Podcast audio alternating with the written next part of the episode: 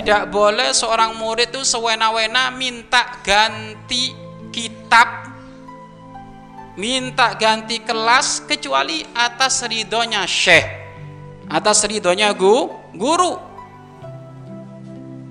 Nggak boleh itu nggak ada adab nggak ada akhlak itu. Ngadep dulu sama gurumu minta pitunjuk assalamualaikum ustadz kiai. Bolehkah saya pindah bolehkah saya ganti kitab? Bolehkah saya seperti ini? Kalau kiaimu berkata la jangan nurut patuh. Sam'an wa ta'atan. Kalau kiai guru mengatakan tafadhol bismillah. Ya? Bismillah.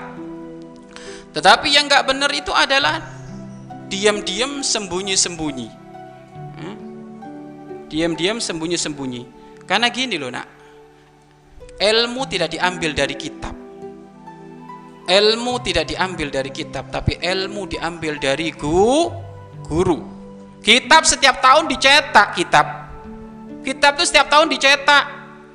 Setiap tahun kitab itu dicetak. Dan hurufnya sama, kalimatnya sama.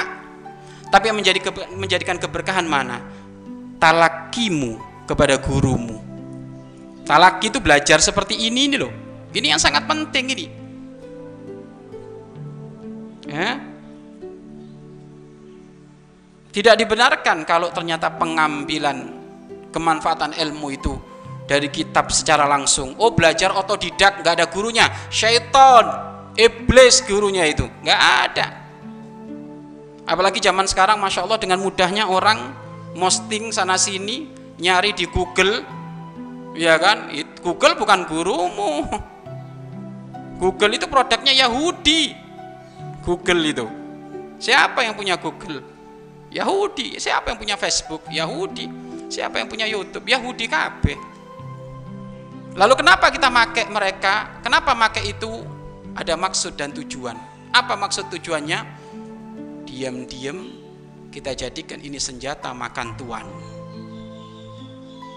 Artinya apa? Dengan fasilitas dari mereka kita jadikan untuk melemahkan mereka. apa? Kita isi YouTube-nya dengan YouTube YouTube yang ben benar. Kita isi Facebook dengan Facebook yang ben yang benar.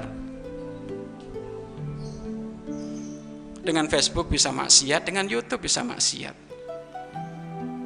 Maka kita jadikan Facebook, YouTube sarana untuk merendahkan musuh-musuh Allah, menghancurkan musuh-musuh Allah, musuh-musuh Allah Subhanahu wa taala.